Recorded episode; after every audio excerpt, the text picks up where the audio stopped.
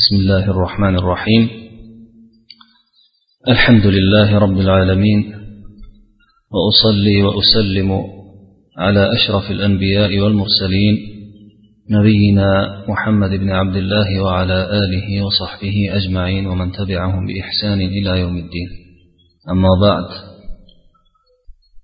o'tgan suhbatlarimizda payg'ambar sollallohu alayhi vasallamning kelishlaridan ilgari ilgari haqiqat izlab yakka alloh subhanahu va taologa ibodat qilish ilinjida tavhidni izlab yurgan kishilarni ba'zilarini tarixi haqida so'zlab o'tildi.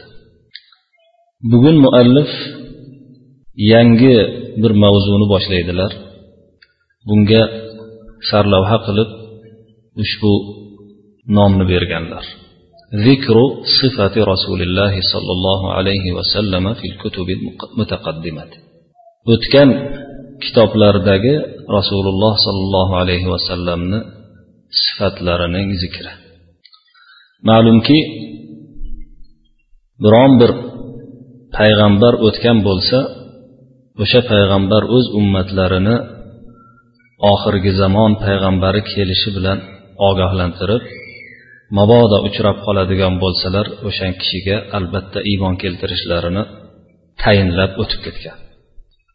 Shularni ichida mashhur payg'ambarlardan bo'lmish eng ulug' kitoblar nozil qilingan hazrati muso alayhissalom bilan hazrati iso alayhissalom ham xuddi shunday vasiyatlarni qilib o'zlarini tarixlarida tarixlarida oxirgi zamon payg'ambarini sifatlarini aytib o'tib ketishgan.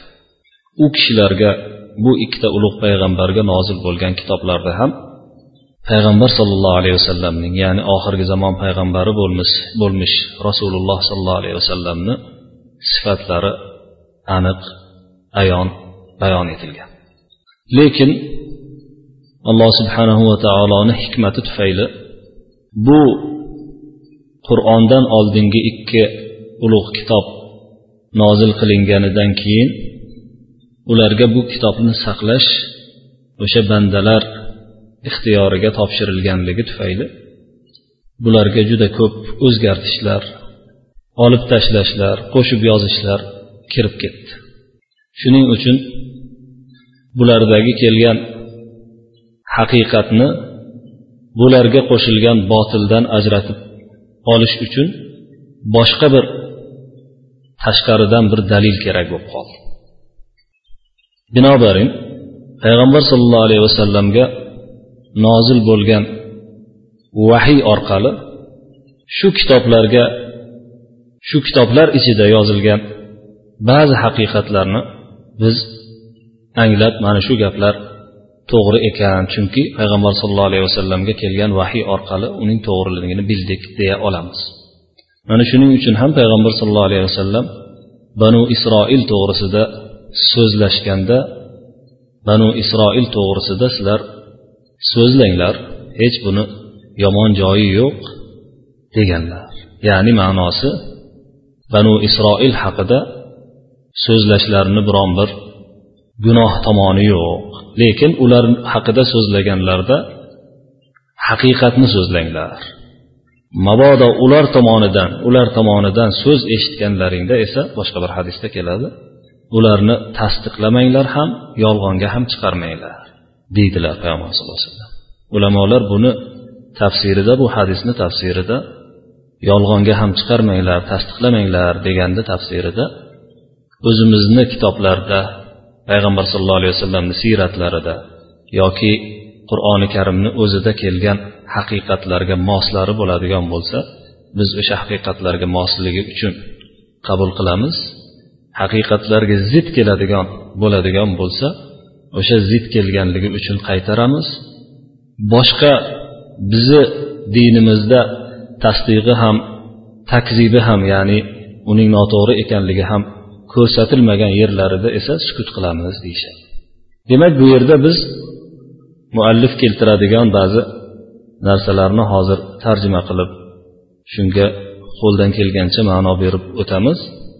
Muallif keltiradigan naqllar ko'pincha o'zimizni kitoblarda ular haqida kelgan naqllar hisoblanadi. Keyin ulardagi kelgan ularni kitoblarida kelgan naqllarning bunga bo'lgan muvofaqasi muvofiqligi hamohangligi to'g'risida so'z yuritiladi muallif so'zlarini imom buxoriydan kelgan rivoyat bilan boshlaydilar روى البخاري عن عبد الله بن عمرو قال وجدت في التوراة في صفة النبي صلى الله عليه وسلم يقول الله سبحانه يا أيها النبي إنا أرسلناك شاهدا ومبشرا ونذيرا وحرزا للأميين أنت عبدي ورسولي. سميتك المتوكل ليس بفظ ولا غليظ ولا صخاب في الأسواق ولا يدفع السيئة بالسيئة ولكن يعفو ويصفح ولن يقبضه الله حتى يقيم به الملة العوجاء ويفتح بها عيونا عميا. وآذانا صما وقلوبا غلفا بأن يقولوا لا إله إلا الله imom buxoriy o'zlarini sahihlarida hazrati abdulloh ibn amr ibn al as roziyallohu anhudan shunday rivoyat qiladilar u kishi aytadilarki men tavrotda payg'ambar sollallohu alayhi vasallamni sifatlari borasida shu so'zlarni uchratdim topdim ma'lumki hazrati abdulloh ibn amr roziyallohu anhu payg'ambar sollallohu alayhi vasallamga kotiblik qilgan hamda o'sha vaqtda ya'ni payg'ambar sollallohu alayhi vasallamga vahiy nozil bo'lib turgan paytlarda yahudiy tilini ibroniychani o'rgangan kishilardan edilar. Shuning uchun ham ko'pchilik ulamolar hazrati abdulloh ibn amr ibn al as roziyallohu anhu anhudan biron bir nisbati berilmagan so'z kelib qoladigan bo'lsa payg'ambar sollallohu alayhi vasallamga nisbat berishdan ehtiyot bo'lishga chaqirishgan. Chunki u kishining o'sha ahli kitoblardan ham tarjima qilib naql qilish mumkinliklarini e'tiborga olib ya'ni biron bir oxirat to'g'risidagi xabar g'ayibdan biron bir xabar to'g'risida rasululloh sollallohu alayhi vasallam aytdilar demasdan u kishi biron bir so'z aytib qoladigan bo'lsalar boshqa sahobalar aytadigan bo'lishsa masalan hazrati umar hazrati abu bakr sad ibn abi vaqqos va boshqa abdulloh ibn masud roziyallohu anhu jamian bular aytadigan bo'lsa ulamolar aytishadiki agar g'ayb to'g'risidagi xabar bo'ladigan bo'lsa oxirat haqida qiyomat jannat do'zax haqida buni hukmi rasululloh sollallohu alayhi vasallam aytganlari bilan barobar bo'ladi. Chunki ular rasululloh sollallohu alayhi vasallamdan eshitgan bo'ladilar lekin bundan abdulloh ibn amrga o'xshagan kishilarni istisno qilishgan chunki abdulloh ibn amr tavrotdan ham naql qilib qolishlari mumkin degan ehtimolni e'tiborga olib shu kishi aytadilarki men tavrotda payg'ambar sollallohu alayhi vasallamni sifatlari haqida ushbularni topdi ya'ni u kishi tavrotni o'qiganlarida xuddi shu so'zni ko'rganlar. Alloh subhanahu va taolo aytadiki ey payg'ambar biz seni odamlar ustidan guvoh qilib yaxshilik xabarini beruvchi ya'ni yaxshilar uchun jannat xushxabarini yetkazuvchi yomonlarni esa do'zaxdan ogohlantiruvchi qilib ummiy ya'ni hech yozishni ham o'qishni ham bilmaydigan qavmlar uchun bir qo'rg'on qilib ularni himoyachisi qilib jo'natdik. Sen mening bandamsan payg'ambarimsan elchimsan. Men seni allohga tavakkul qiluvchi deb nomladim. Seni mutavakkil deb nomladim. Barcha ishlarini allohga topshiruvchi deb nomladim. Bu payg'ambar qo'pol ham emas dag'al durust so'z ham emas bozorlarda qichqirib baqirib yuruvchi ham emas. Yomonlikka yomonlik bilan javob beradigan yomonlikni yomonlik bilan qaytaradigan ham emas lekin afu etib kechirib ketaveradi.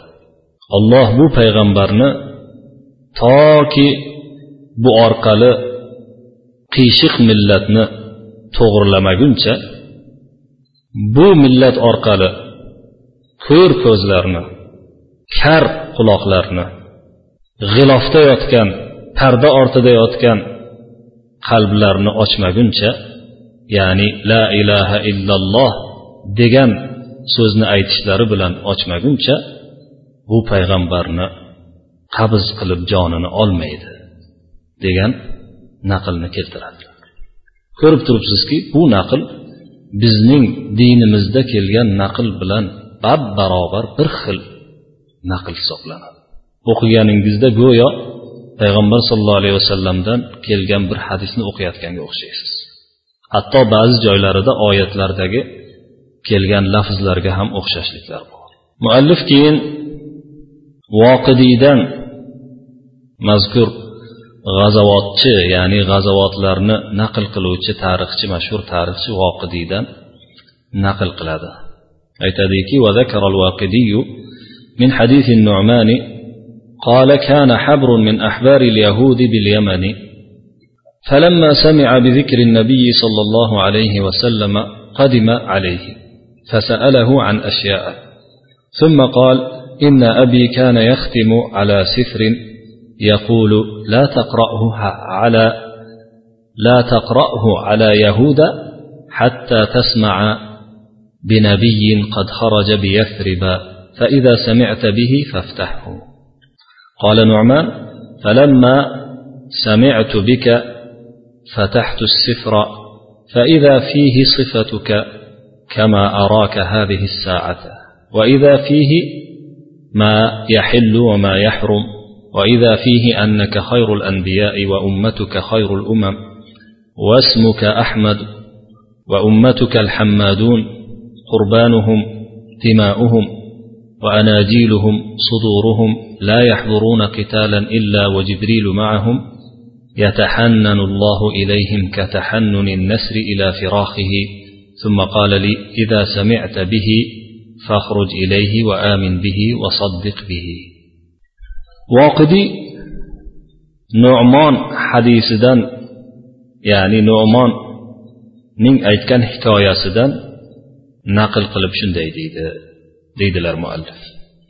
Ma'lumki voqidiyni muhaddis ulamolar hadisni naql qilishda ya'ni hadisda ahkomlarni naql qilayotganda bu kishini rivoyatini olmaydilar. Chunki bu kishi ko'p rivoyatlarni bir biriga qo'shib yuborganliklari uchun boshqa eslaridan chiqarib qolib taxminiy gaplar aytganliklari uchun ahkomlarda kelgan nimalarni hadislarni bu kishini tarafidan naql qilinadigan bo'lsa ulamolar zaif bo'ladi ba'zan zaif juda zaif bo'ladi deyishgan.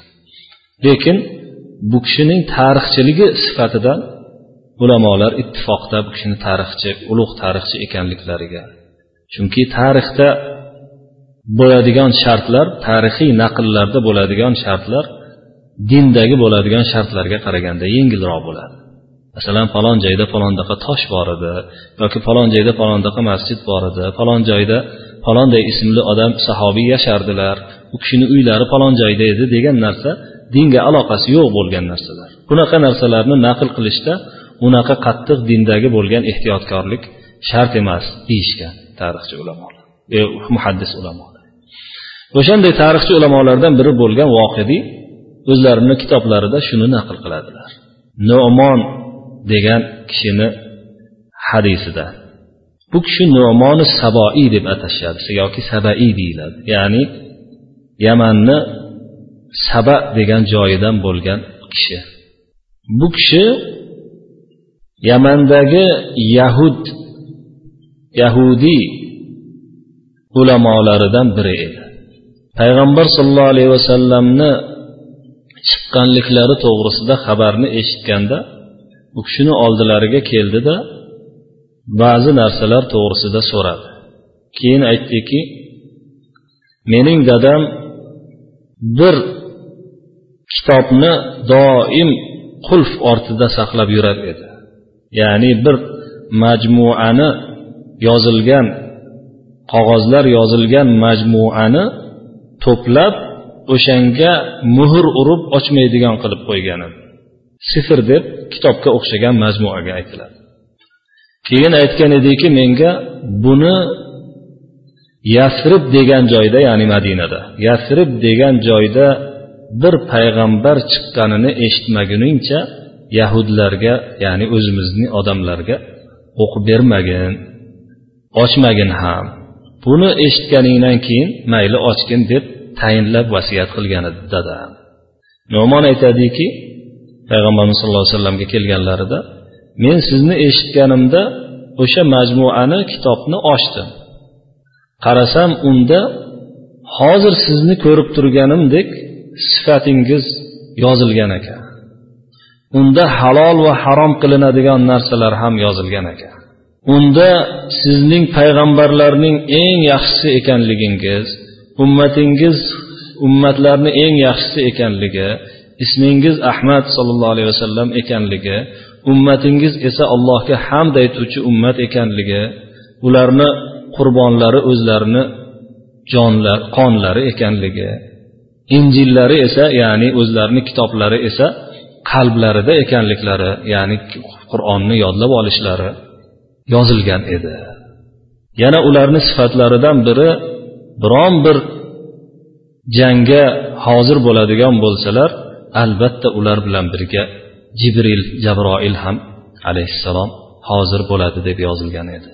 Alloh taolo bu ummatga xuddi burgut qanday o'zini jo'jalariga o'zini kichkina bolalariga egilib yaxshilik qiladigan bo'lsa shunchalik alloh subhanava taolo bu ummatga yaxshilik yon bosadigan ekanligini aytilgan edi keyin menga dadam aytdiki shuni eshitadigan bo'lsang shu odamni chiqqanligini u kishiga borib iymon keltirib tasdiqlagin dedi فكان النبي صلى الله عليه وسلم يحب أن يسمع أصحابه حديثه فأتاه يوما فقال له النبي صلى الله عليه وسلم يا نعمان حدثنا. فابتدأ النعمان الحديث من أوله فرأى رسول الله صلى الله عليه وسلم يبتسم ثم قال أشهد أني رسول الله وهو الذي قتله الأسود العنسي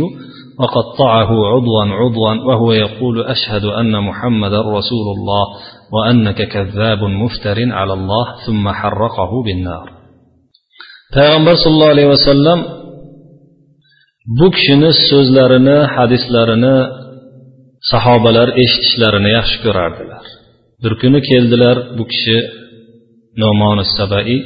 Payg'ambar sallallohu alayhi vasallam u kishiga ey nomon bizga gapirib bergin dedilar. Nomon o'sha o'zlari bilan bo'lgan boyagi voqeani avvalidan boshlab gapirib berdi. Rasululloh sollallohu alayhi vasallamni gapirayotganda tabassum qilayotganlarini ko'rdi. Keyin payg'ambar sallallohu alayhi vasallam tabassum qilganlaridan keyin men ollohni elchisi ekanligimga guvoh beraman guvohlik beraman dedilar. Deb muallif aytyaptilarki bu sahobiy o'sha yamanda chiqqan asvad ansi degan payg'ambarlikni davo qilgan kazzob o'ldirgan kishi bo'ladi. U payg'ambar sollallohu alayhi vasallamga iymon keltirganidan keyin bu kazzob uni ushlab olib a'zolarini qo'l oyog'ini birma bir kesib chiqqan edi. Shunda ham u kishi men muhammad ollohni elchisi deb sening esa seni esa ollohga bo'xton to'quvchi kazzob deb guvohlik beraman deb turgan edilar. Keyin asvad ansi buni o't bilan kuydirib o'ldirib yubordi deydilar muallif rahimaulloh anhu demak ilgargi kitoblarni ulamolaridan biri bo'lmish bu kishi ham payg'ambar sallallohu alayhi vasallamni sifatlarini o'zlarini kitoblarida ko'rib iymonga kelgan ekanlar وقال أبو العباس رحمه الله تعالى في الرد على النصارى وقد استخرج غير واحد من العلماء من الكتب الموجودة الآن في أيدي أهل الكتاب من البشارات بنبوته مواضع متعددة وصنفوا في ذلك مصنفات. وهذه البشارات في هذه الكتب من جنس البشارات بالمسيح عليه السلام. واليهود مقرون باللفظ لكن يدعون أن المبشر به ليس هو المسيح ابن مريم وإنما آخر ينتظر. وهم في الحقيقة لا ينتظرون إلا المسيح الدجال وينتظرون أيضا مجيء المسيح عيسى بن مريم إذا نزل من السماء ويحرفون دلالة اللفظ ويقولون إنها لا تدل على نبي منتظر كما قالوا في قوله سأقيم لبني إسرائيل من إخوتهم مثلك يا موسى أنزل عليه مثل توراة موسى أجعل كلامي على فيه. أبو العباس رحمه الله o'zlarini nasroniylarga bergan raddida shunday deydilar deydi muallif. Abul abbos deganlaridan murod o'sha alloma ahmad ibn abdul halim ibn taymiyani nazarda tutyaptilar shuni o'zini nasroniylarga raddiya sifatida o'n mujallatlik katta bir kitoblari bor nomi al javobu sahih liman baddala din al masih deb ataladi. Ya'ni masih alayhissalomni dinini o'zgartirib almashtirib yuborganlarga to'g'ri javob degan nom bilan ataganlar kitoblarini o'sha kitobdan bu kishi naql qilyapti. Bu kishi aytadilarki hozirgi ahli kitoblar qo'lida mavjud bo'lgan ya'ni o'zgartirib yuborilgan bo'lsa ham o'sha qo'llarida mavjud mavjud bo'lgan kitoblardan tavrotlardan ulamolardan bir necha kishi shu hozirgi o'zgartirib yuborilgan kitoblarni ichidan ham payg'ambar sollallohu alayhi vasallamni payg'ambarligini kelishini xabarini bergan xushxabarlardan bir nechta o'rinni chiqarib olishgan. Bu haqda turli kitoblarni yozishganlar yozganlar. Bu xabarlar o'sha mazkur kitoblarda xuddi masih alayhissalomni bashoratlariga o'xshab ketadi. Masih alayhissalom ham injillarida ko'p bashoratlarni berib ketganlar yahudlar bu kitoblarda kelgan lafzlarni iqror qiladilar. Ya'ni tavrotdagi lafz kelgan deb iqror qiladilar. Lekin bu bashorat qilinayotgan kishi u emas deyishadi. Ya'ni masalan iso alayhissalomni bashorati keyin osmondan tushib kelishlari to'g'risida tavrotda kelganligi to'g'risidagi xabarni bu iso alayhissalom murod emas nazar, nazarda tutilgan narsa kishi iso alayhissalom emas. Chunki ular iso alayhissalomga iymon keltirmaydilar. Balki boshqa kishi deyishadi. Haqiqatda ham ular o'zlari bilmagan holda dajjol masih dajjolni kutayotgan bo'ladilar bular. Masih dajjolni kutib turishibdi. Iso alayhissalomni kelishini ham kutyaptiyu osmondan tushganlarida.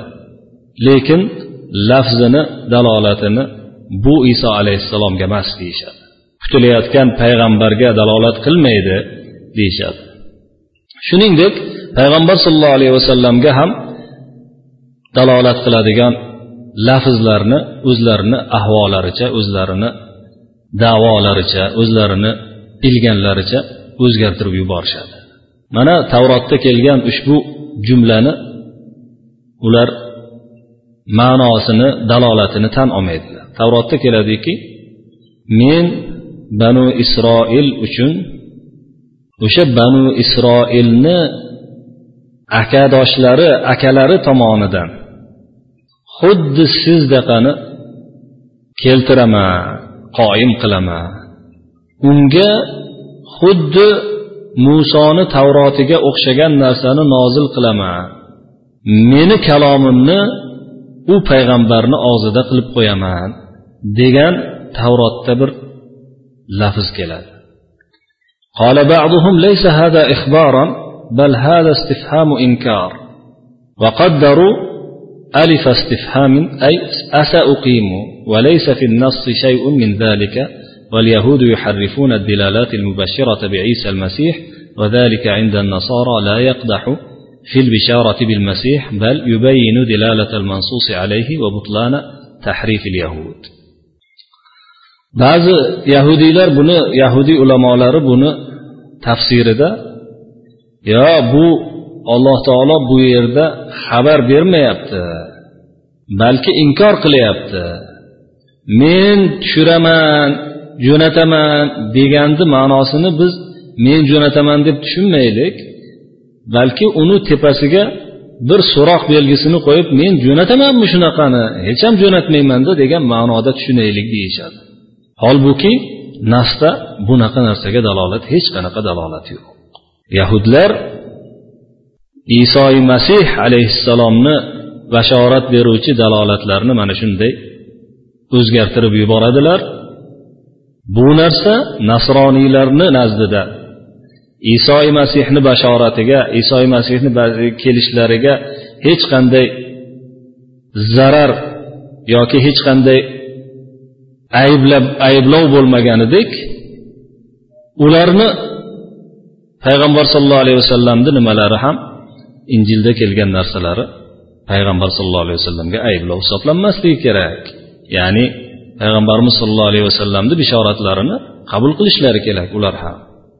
Balki o'sha nas qilingan aniq lafzi kelgan dalolatni ma'nosini ifodalaydi hamda yahudlarni o'zgartirib yuboruvchi qavm ekanligini botilliklarini ularning dalolat qiladigan narsalardan deb bilishadi shular deydilar muallif keyin muallif payg'ambar sollallohu alayhi vasallamga ham bo'lgan bashoratlarni o'sha iso alayhissalomga bo'lgan bashoratlardek ekanligini ta'kidlab yana وكذلك البشارات في الكتب المتقدمة بمحمد صلى الله عليه وسلم لا يقدح فيها تحريف أهل الكتاب من اليهود والنصارى بل تبين دلالة تلك النصوص على نبوة محمد صلى الله عليه وسلم وبطلان تحريف أهل الكتاب shuningdek o'sha ilgargi kitoblardagi bashoratlar payg'ambarimiz sollallohu alayhi vasallam kelishlariga bo'lgan bashoratlar bashoratlarga ahli kitoblarni ya'ni yahudiy va nasroniylarni buzib o'zgartishlar kiritib yuborishi bu bashoratlarni kamaytirib ularni ayblab qo'ymaydi. Bashoratlarni yo'qotib yo'qqa chiqarib qo'ymaydi. Balki o'sha kelgan tekstlarni naslarni dalolatini ya'ni payg'ambar sollallohu alayhi vasallamni payg'ambarliklariga dalolatini hamda ahli kitobni o'zgartirib yuborganliklarini botil ekanligiga dalolatini ifodalaydi deydilar. وشهادة الكتب المتقدمة لمحمد صلى الله عليه وسلم إما شهادتها بنبوته وإما شهادتها بمثل ما أخبر به هو من الآيات البينات على نبوته ونبوة من قبله. وهو حجة على أهل الكتاب من أصناف المشركين الملحدين. كما ذكر الله هذا النوع من الآيات في غير موضع من كتابه كما في قوله تعالى أولم يكن لهم آية أن يعلمه علماء بني إسرائيل؟ فإن كنت في شك مما أنزلنا إليك فاسأل الذين يقرؤون الكتاب من قبلك. وقوله والذين آتيناهم الكتاب يعلمون أنه منزل من ربك بالحق. الآية. قل كفى بالله شهيدا بيني وبينكم ومن عنده علم الكتاب؟ أولم تأتهم بينة ما في الصحف الأولى؟ Ilgargi kitoblarni payg'ambar sollallohu alayhi vasallamga bo'lgan guvohliklari ikki xil yo'l bilan bo'lgan. Yo o'sha kitoblarni payg'ambarimiz sollallohu alayhi vasallamni payg'ambar ekanliklariga guvohlik berishlari bilan yoki payg'ambarimiz sollallohu alayhi vasallam o'zlari xabar bergan narsadek narsalarni narsalarga ularni guvohlik berishlari bilan. Ya'ni payg'ambarimiz sollallohu alayhi vasallam ba'zi bir aniq mo'jizalarga mo'jizalar haqida xabar bergan bo'lsalar ular ham o'sha narsaga guvohlik keltirishlari bilan o'sha kitoblarda sodir bo'lgan. Ya'ni payg'ambarimiz sollallohu alayhi vasallamni payg'ambar ekanliklariga haq payg'ambar ekanliklariga va bu kishidan keyingi bu kishidan ilgargi kishilarni e, ham haq payg'ambar o'tganliklariga dalolat qiluvchi ochiq oydin mo'jizaviy oyatlarni belgilarni xabar berganlar payg'ambar sallallohu alayhi vasallam o'shanga o'xshagan narsalarga bularni guvohliklari kitoblarda ilgarigi kitoblarda bor. Ushbu ikki narsa ahli kitoblar ustida ularni zarariga hujjat hisoblanadi. Ya'ni mushrik bo'lib alloh subhanahu va taoloni bergan ne'matlarini inkor qilib mulhid bo'lib hatto ollohni ham ba'zi o'rinlarda qudratlarini inkor qilib ketgan ahli kitoblar ustida hujjat hisoblanadi. Bunaqa belgilarni ahli kitoblarni bilishlari haqidagi oyatlarni qur'oni karimda bir necha joyda alloh subhanahu va taolo zikr qilib aytib o'tadi. Mana masalan shu aro surasini bir yuz to'qson yettinchi oyatida alloh taolo aytadiki bu hozirgi mushriklarga va hozirgi yahudiy va nasorolarga ham. Bu payg'ambarning payg'ambarni banu isroillarni ulamolari ham bilishlari kifoya qilmaydimi? deydi. Yunus surasida esa payg'ambarimiz sallallohu alayhi vasallamga xitob qilib aytadiki agar biz sizga nozil qilgan narsamizdan shubhada bo'lsangiz ilgargi o'zingizdan ilgargi kitob o'quvchilardan so'rang. Ya'ni o'sha banu isroildan so'rang degan oyatni keltiradi. Yana bir oyatda biz kitob berib qo'ygan kishilar bu narsa ya'ni qur'oni karim rabbingiz tarafidan haq bilan nozil etilgan qur'on ekanligini aniq biladilar ular degan oyatni nozil qildi.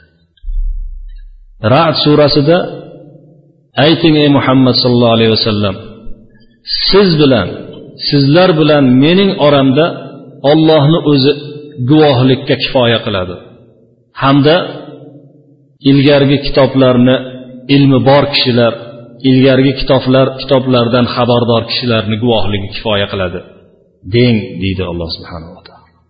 Toho surasida ham ilgargi sahifalarda ilgargi kitoblarda kelgan narsalarning ochiq dalillari ularga yetib kelmaganmidi yetib kelgan ediku degan ma'noda oyatlarni nozil qilgan وذلك مثل قوله في التوراة ما قد ترجم بالعربية جاء الله من طور سيناء وبعضهم يقول تجلى الله من طور سيناء وأشرق من ساعير واستعلن من جبال فاران bu payg'ambar sollallohu alayhi vasallamga dalolat qiladigan narsalardan biri tavrotda kelgan ushbu naqldir arabchaga quyida mana bunday tarjima qilingan alloh subhanahu va taolo sino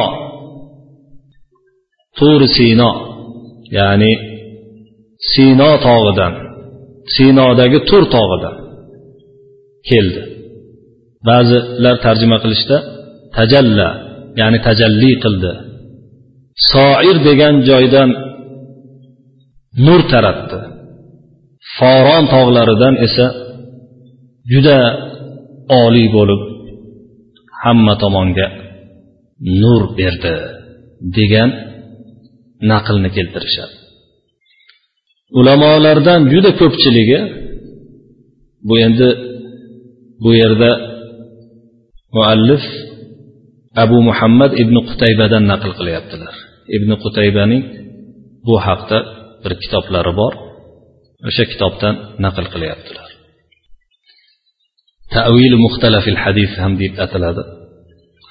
Demak ibn qutaybadan naql qilib aytyaptilarki ko'p ulamolar bu tavrotda kelgan bu naqlni tafsirida mana shunday deyishgan ليس بهذا خفاء على من يذكره ولا غموض لأن مجيء الله من طور سيناء إنزاله التوراة من طور سيناء على موسى كالذي هو عند أهل الكتاب وعندنا وكذلك يجب أن يكون إشراقه من ساعير إنزاله الإنجيل على المسيح وكان المسيح من ساعير أرض الخليل بقرية تدعى ناصرة وباسمها سمي من اتبعه نصارى. وكما وجب أن يكون إشراقه من ساعير بالمسيح فكذلك يجب أن يكون أن يكون استعلانه من جبال فاران إنزاله القرآن على محمد صلى الله عليه وسلم وهي جبال مكة. وليس بين المسلمين وأهل الكتاب خلاف في أن فاران هي مكة فإن ادعوا عنها غير مكة فليس ينكر ذلك ينكر ذلك من تحريفهم وإفكهم. قلنا أليس في التوراة أن إبراهيم أسكن هاجر وإسماعيل فاران؟ وقلنا دلونا على الموضع الذي استعلن الله منه واسمه فاران والنبي الذي أنزل عليه كتاب بعد المسيح أوليس استعلن وعلى وهما بمعنى واحد.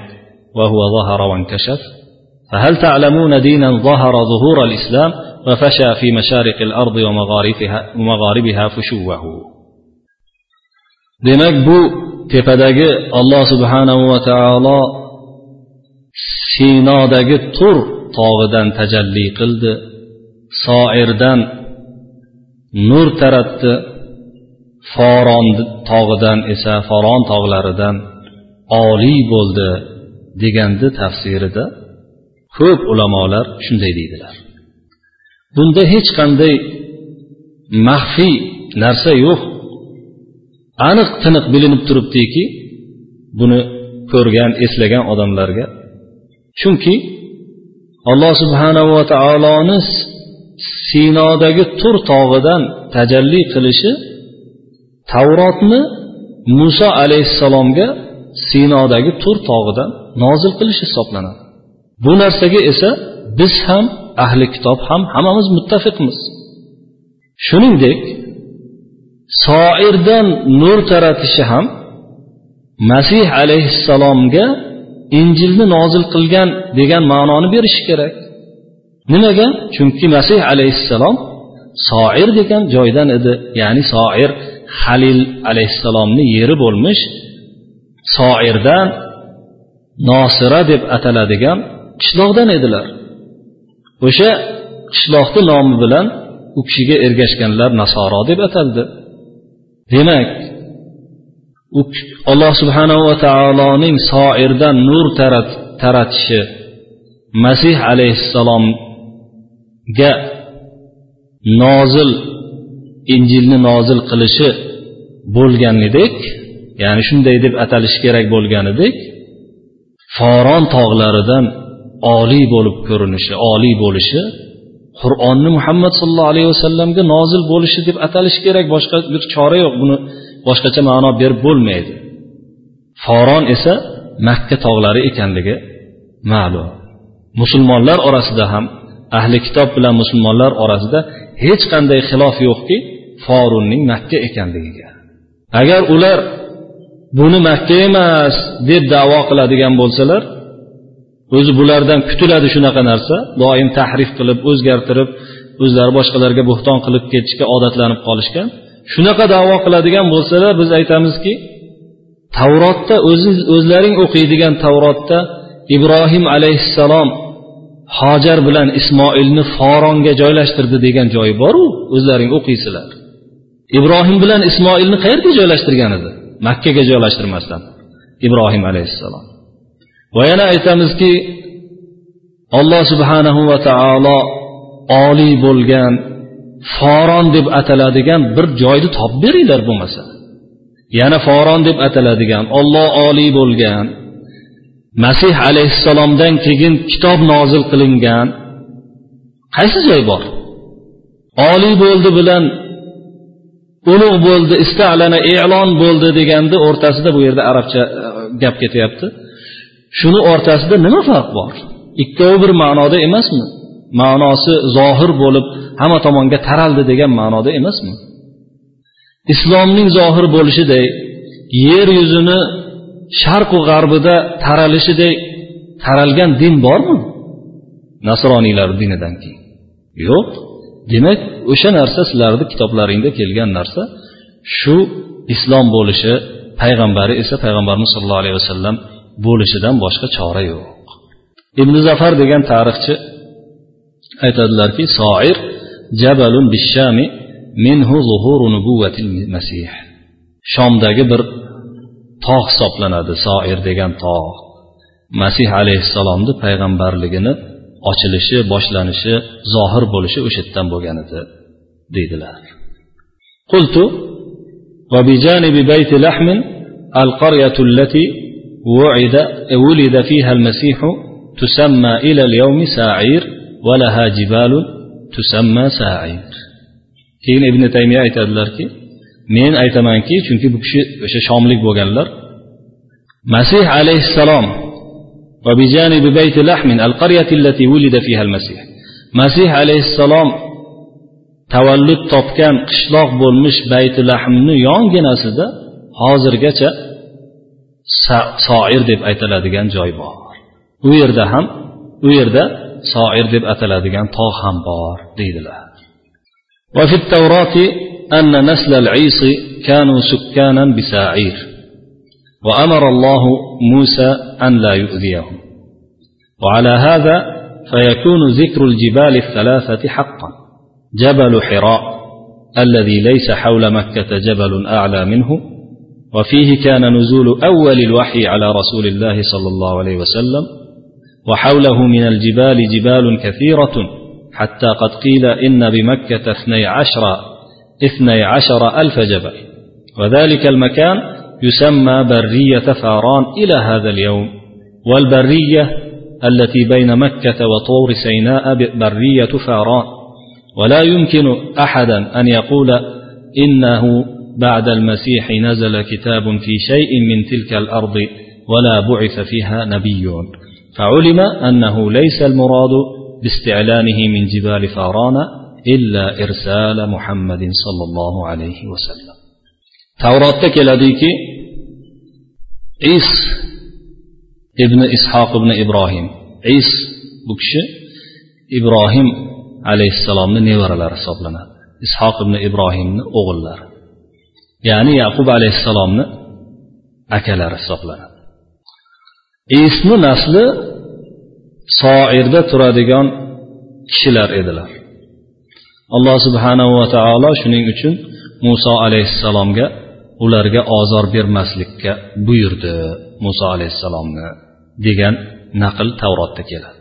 Va ala hada ya'ni shu tepada kelgan naqllarga ko'ra bu uchta tog'ni aytib o'tish haq hisoblanadi. Ya'ni bekorga aytib o'tilmagan hisoblanadi. Makkada eng baland tog' bo'lmish undan ko'ra balandroq tog' bo'lmagan hiro tog'i bu yerda payg'ambarimiz sollallohu alayhi vasallamga vahiyni birinchi bor nozil bo'lishi bo'lgan edi.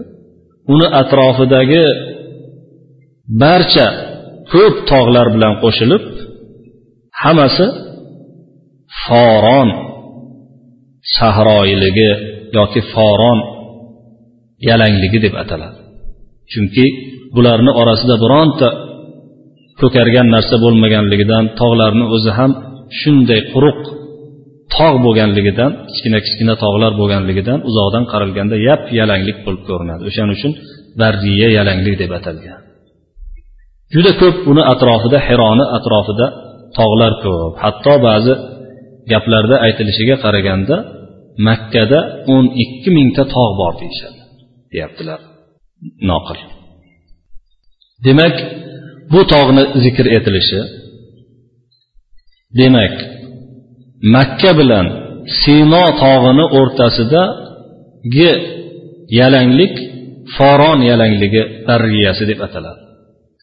Biron kishi aytolmaydiki masih alayhissalomdan keyin o'sha makka bilan tur sino tog'i orasidagi joyga kitob nozil bo'ldi ya'ni biz qur'on nozil bo'lgandan boshqa payg'ambar jo'natildi payg'ambarimiz sollallohu alayhi vasallamdan boshqa deb aytolmaydi hech kim demak ma'lum bo'ldiki bu foron tog'ida oliy bo'ldi degan lafzdan tavrotdagi lafzdan payg'ambar sollallohu alayhi vasallamni payg'ambarligi murod ekanligi ma'lum bo'ldi deydilar وهو سبحانه ذكر هذا في التوراة على الترتيب الزماني فذكر إنزال التوراة ثم الإنجيل ثم القرآن وهذه الكتب نور الله وهداه. ولهذا قال في الأول جاء وظهر. وفي الثاني أشرق. وفي الثالث استعلن. فكان مجيء التوراة مثل طلوع الفجر أو ما هو أظهر من ذلك. ونزول الإنجيل مثل إشراق الشمس زاد به النور والهدى. وأما نزول القرآن فهو بمنزلة ظهور الشمس في السماء. ولهذا قال واستعلن من جبال فاران. فإن محمدا صلى الله عليه وسلم ظهر به نور الله وهداه في شرق الأرض ومغربها أظهر مما ظهر بالكتابين المتقدمين كما يظهر نور الشمس إذا استعلنت في مشارق الأرض ومغاربها. ولهذا سماه الله سراجا منيرا وسمى الشمس سراجا وهاجا والخلق يحتاجون إلى السراج المنير أعظم من حاجتهم إلى السراج الوهاج فإن السراج الوهاج يحتاجون إليه في وقت دون وقت وأما السراج المنير فيحتاجون إليه كل وقت وفي كل مكان ليلا ونهارا سرا وعلانية alloh subhanahu va taolo bu uch payg'ambarni zikrini tavrotda zamon tartibiga ko'ra zikr etib o'tdi ya'ni birinchi kelgan payg'ambarni birinchi aytib keyin kelgan payg'ambarni keyin aytib oxirgi kelgan payg'ambarni oxirida aytib o'tdi. Tavrotni nozil qilishini aytdi keyin injilni keyin qur'onni. Ushbu kitoblar ma'lumki alloh subhanahu va taoloni nuri va hidoyati hisoblanadi. Shuning uchun birinchi o'rinda tavrotni zikr qilganda keldi va zohir bo'ldi degan ibora bilan aytdi. Ikkinchida nur taratdi deb aytdi. Uchinchida esa oliy bo'ldi dedi hammasidan degan ma'noda. Chunki tavrotning kelishi xuddi tong otishidek va undan ko'ra ham zohirroq yorug'roq bo'lgan edi.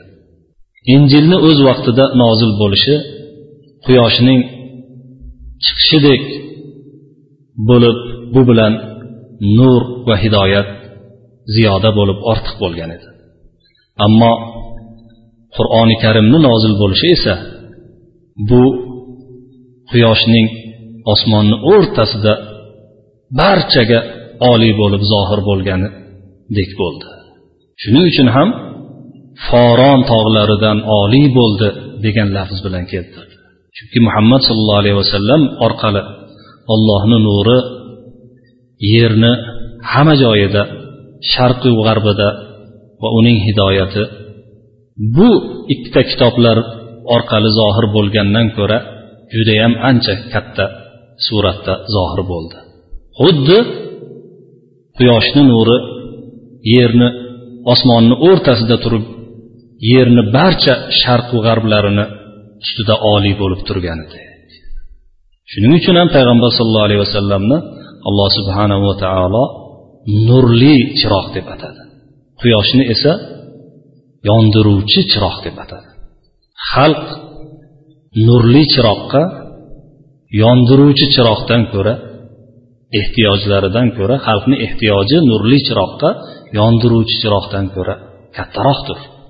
Chunki yondiruvchi chiroqqa xalq goh gohida muhtoj bo'lsalar nurli chiroqqa doim kechasiyu kunduzi oshkorayu sirliklarda maxfiyliklarda muhtoj bo'ladilar deydi ibn taymiya rahmatullohi alayhi.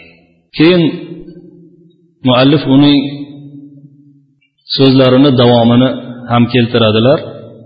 Bu kishini so'zlarini davomi bir oyatni tafsiriga borib taqaladi. Bu oyatni tafsirida so'zlar sal uzayib ketishi munosabati bilan buni keyingi suhbatga qoldiramiz. Shu yerda suhbatimizga yakun yasab barchangizga yaxshi quloq solganligingiz uchun minnatdorchilik bildiraman va sallallohu vasallama وبارك على نبينا محمد وعلى آله وصحبه أجمعين والسلام عليكم ورحمة الله